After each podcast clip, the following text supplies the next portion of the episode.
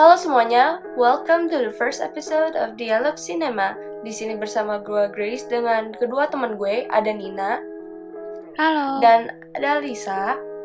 Halo. Kali ini kita mau ngebahas film yang beberapa waktu lalu lagi trending banget nih. Apa nih, Nin? Nah, kita mau ngebahas film yang baru keluar di Netflix tanggal 13 Januari lalu, yaitu Penyalin Cahaya atau Photocopier karya sutradara Regas Manuteja. Nah, tapi nggak cuma itu aja nih. Kita juga mau membahas satu film lagi yang sama-sama mengangkat tentang isu kejahatan seksual, yaitu 27 Steps of May karya Raffi Barwani.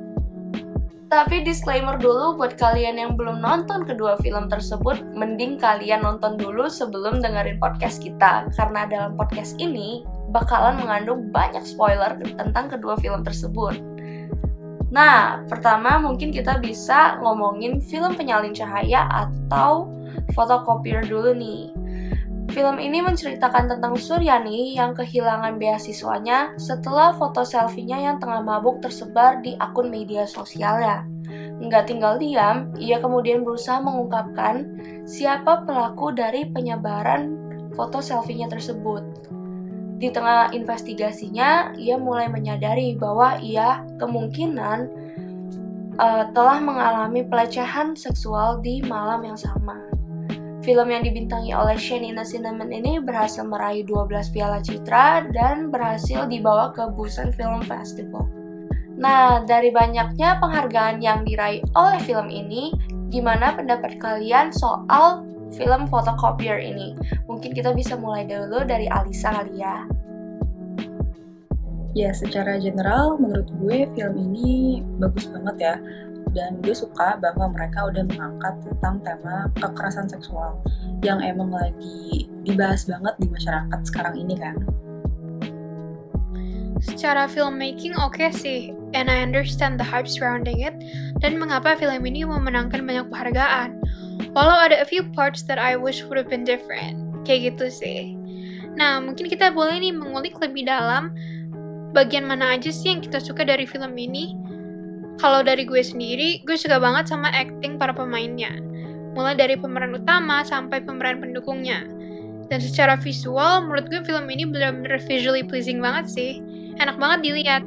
Nah, menurut kalian gimana nih? Ya, gue juga setuju banget kalau film ini tuh emang benar-benar visually pleasing banget ya. Dan selain itu, gue juga ngerasa kalau film ini tuh realistis banget karena udah ngebawain adegan-adegan yang bisa kita temuin di kehidupan kita. Contohnya, di setiap circle pertemanan atau organisasi nih, pasti dong kita pernah ketemu sama teman atau kakak kelas itu yang sifatnya mengayomi banget, kayak Kak Anggun contohnya. Jadi menurut gue itu realistisnya sih, dan gue juga bisa relate sama budaya-budaya yang ditampilin di UKM di film ini karena gue juga dulu bagian dari anak teater gitu gue setuju banget sih untuk pengambilan gambar atau visual dari film ini yang keren banget. Terus belum lagi kayak para tokoh-tokoh yang membintangi film ini kayak Shanina sebagai pemeran utama, Jerome sebagai supporting actor yang cakep banget sih buat meranin Torik yang berhasil bikin hati kita yang sebagai penonton tuh campur aduk banget sih. Bener bener bener.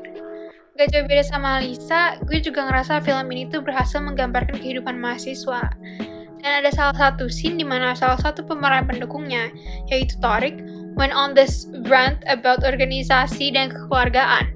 Gue suka banget bagian itu karena bener-bener menunjukkan ya kehidupan UKM di kampus yang terkadang terlalu menekankan dan menjunjung tinggi kata-kata kekeluargaan. Bener banget.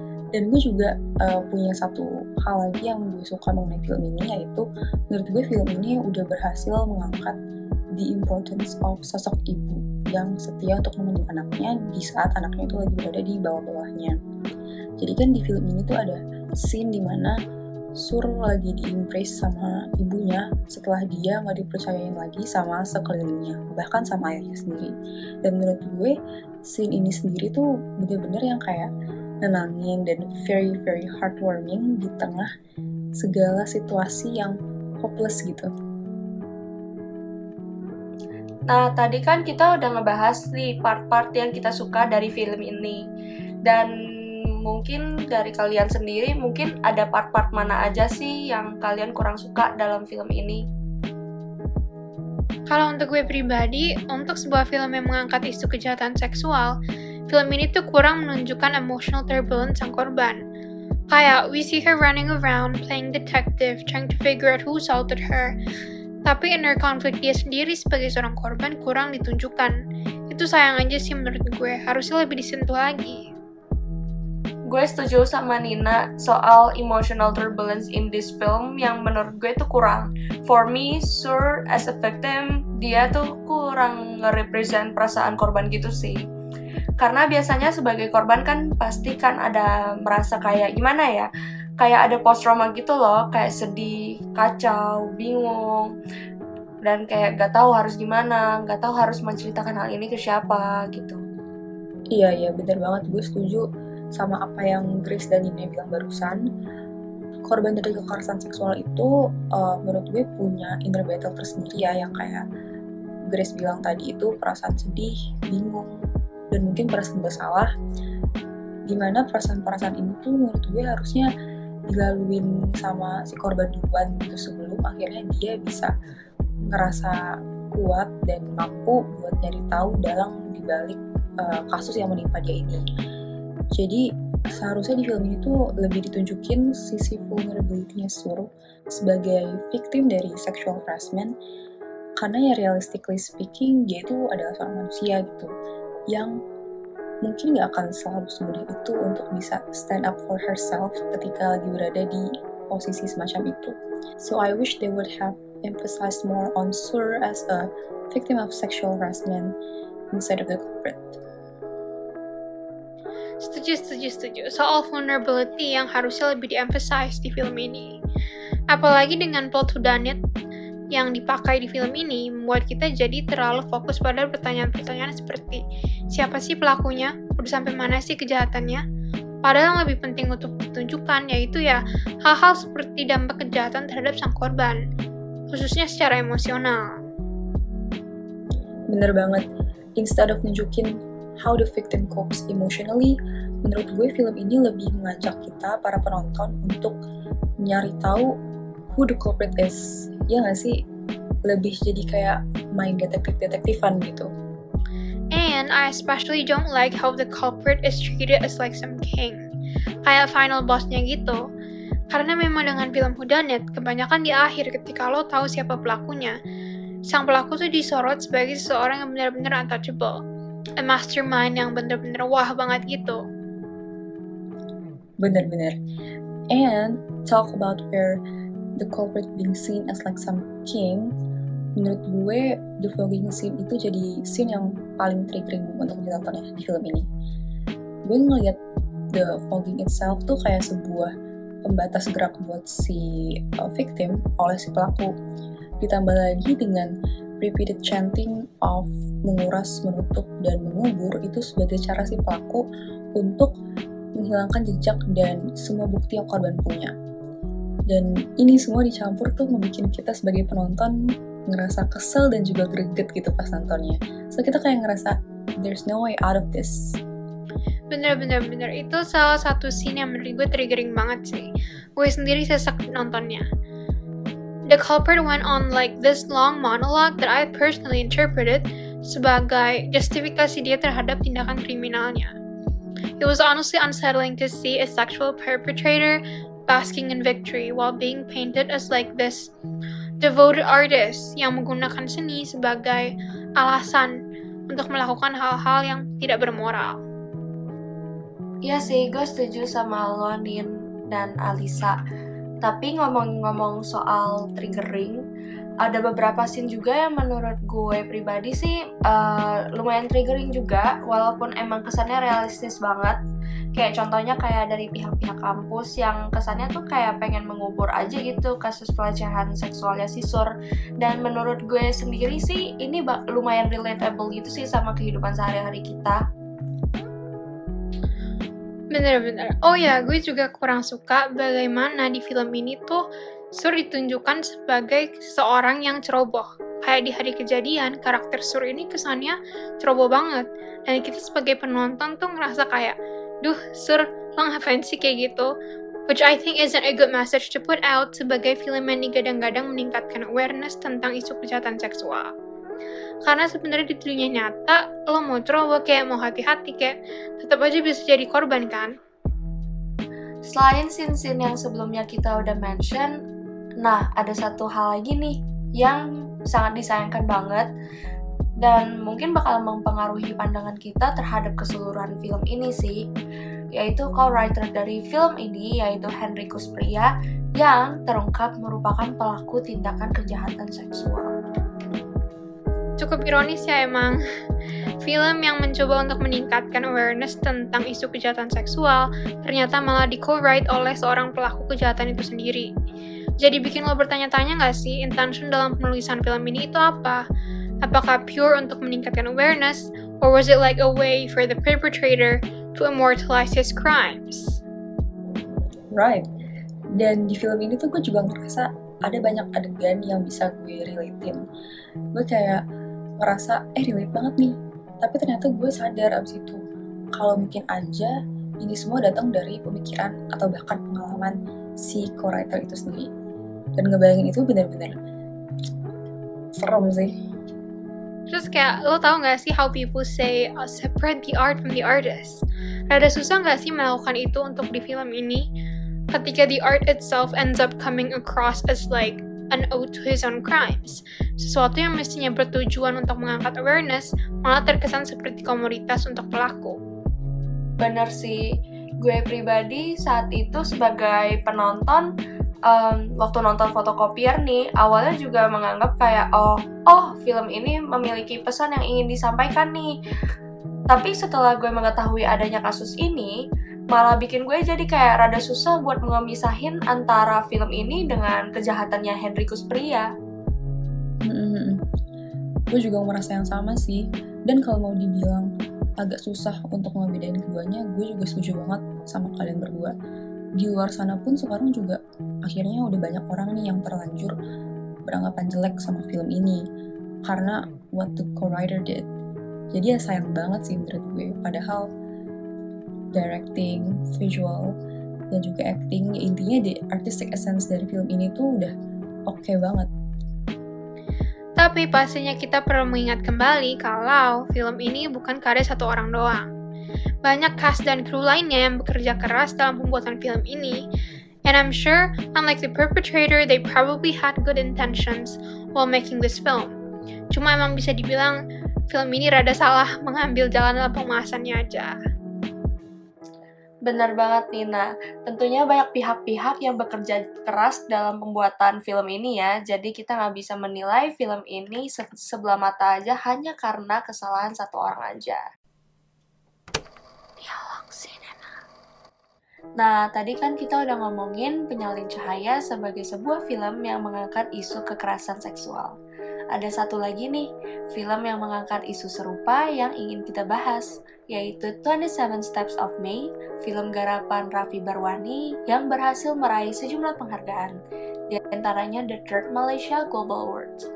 Mungkin uh, kita bisa jelasin secara singkat dulu nih tentang apa sih filmnya. Film ini menceritakan seorang gadis yang masih duduk di bangku SMP bernama Mei yang menjadi korban pemerkosaan. Akibat trauma yang dialaminya, Mei kemudian menarik dirinya dari kehidupannya sendiri. Di film ini kita juga diperlihatkan kondisi ayahnya yang tengah bergulat dalam penyesalan akibat tidak dapat melindungi putri semata wayangnya. Mungkin boleh nih kita mulai ngomongin ke part-part yang kita suka dalam film ini kali ya.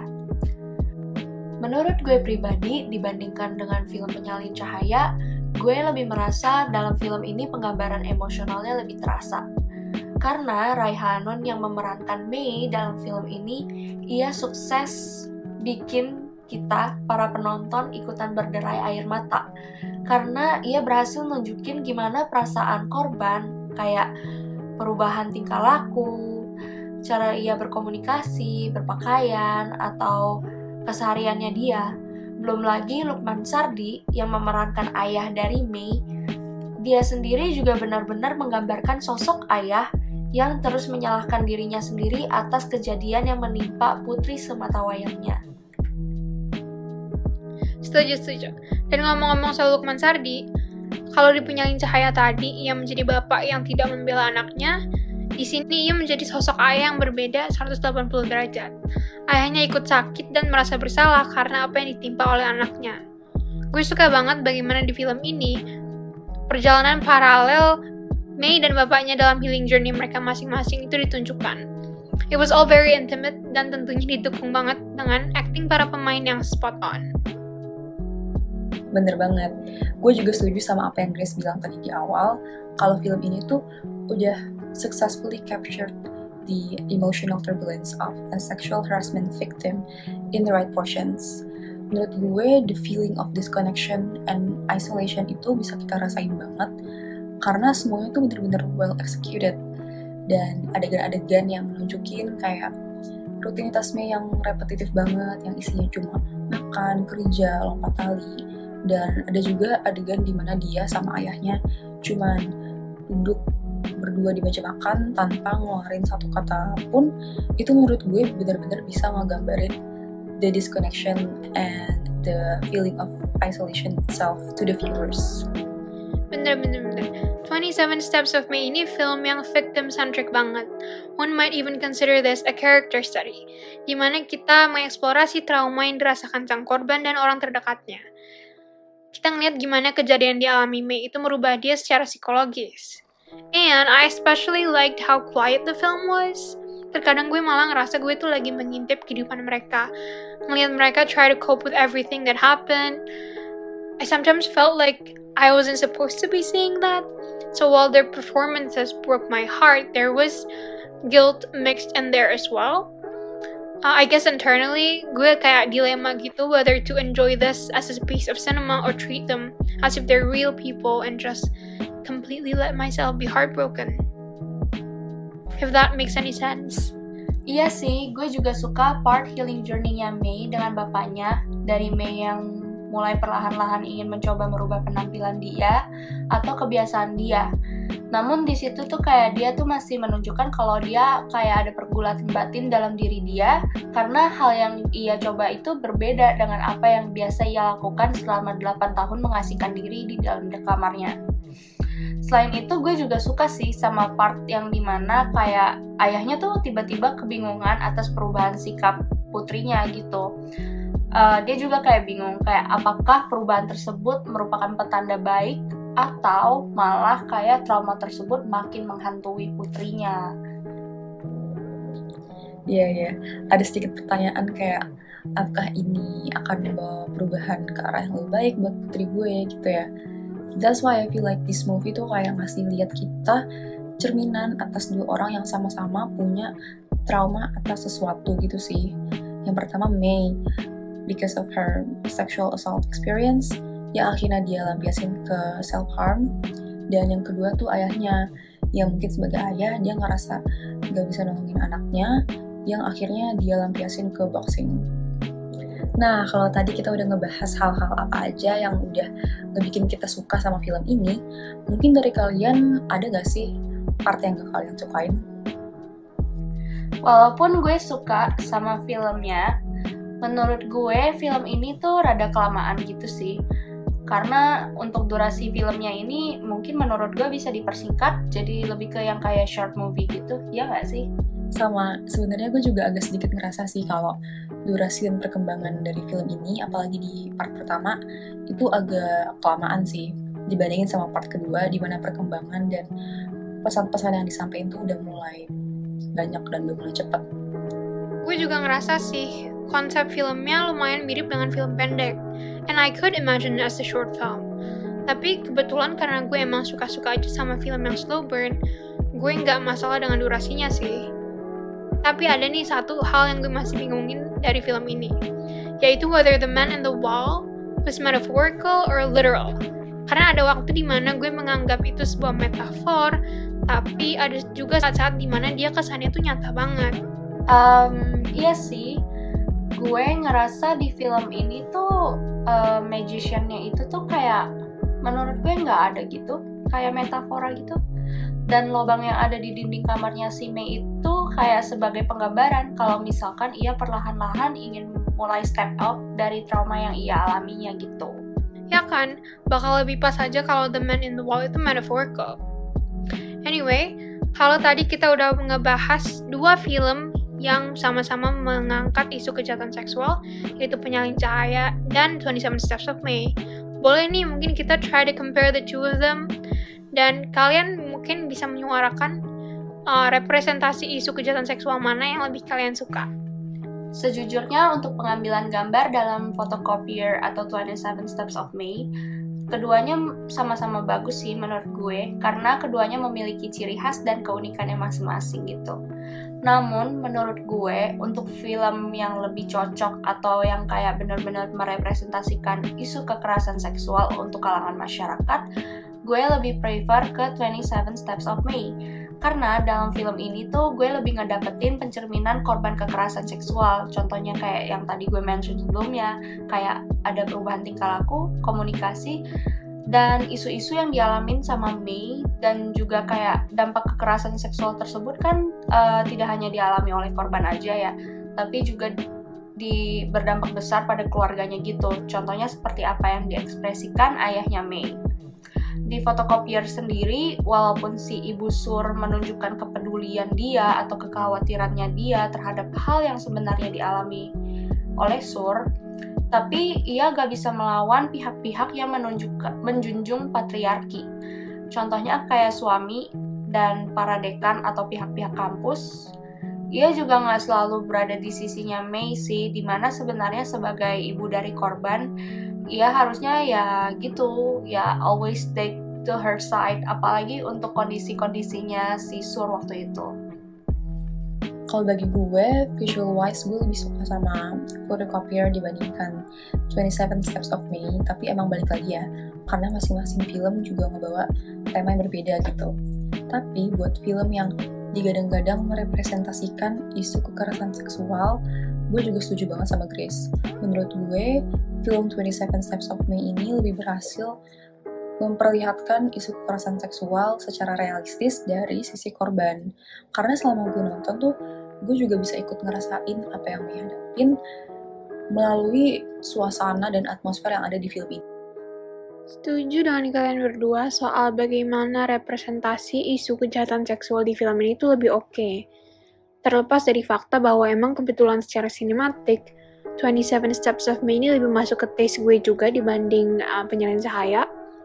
Gue lebih mengapresiasi film yang fokus pada korban sih. Dan kembali lagi ke hal-hal yang gue kurang suka mengenai Penyalin Cahaya tadi, sebenarnya malah membuat gue merasa film itu terasa cukup hollow. Sedangkan 27 Steps of May, jiwanya ya bener-bener lebih kerasa sih. Bener banget, Nah, itu dia pendapat kita mengenai kedua film yang membahas tentang isu kekerasan seksual. Kembali lagi, itu cuma opini kita ya, guys. Iya, yeah, take what we said with a grain of salt. Yes, dan kalau kalian punya any critics or masukan, feel free to let us know juga ya. See you on another episode of Dialog Cinema. Bye! Dadah! Cinema.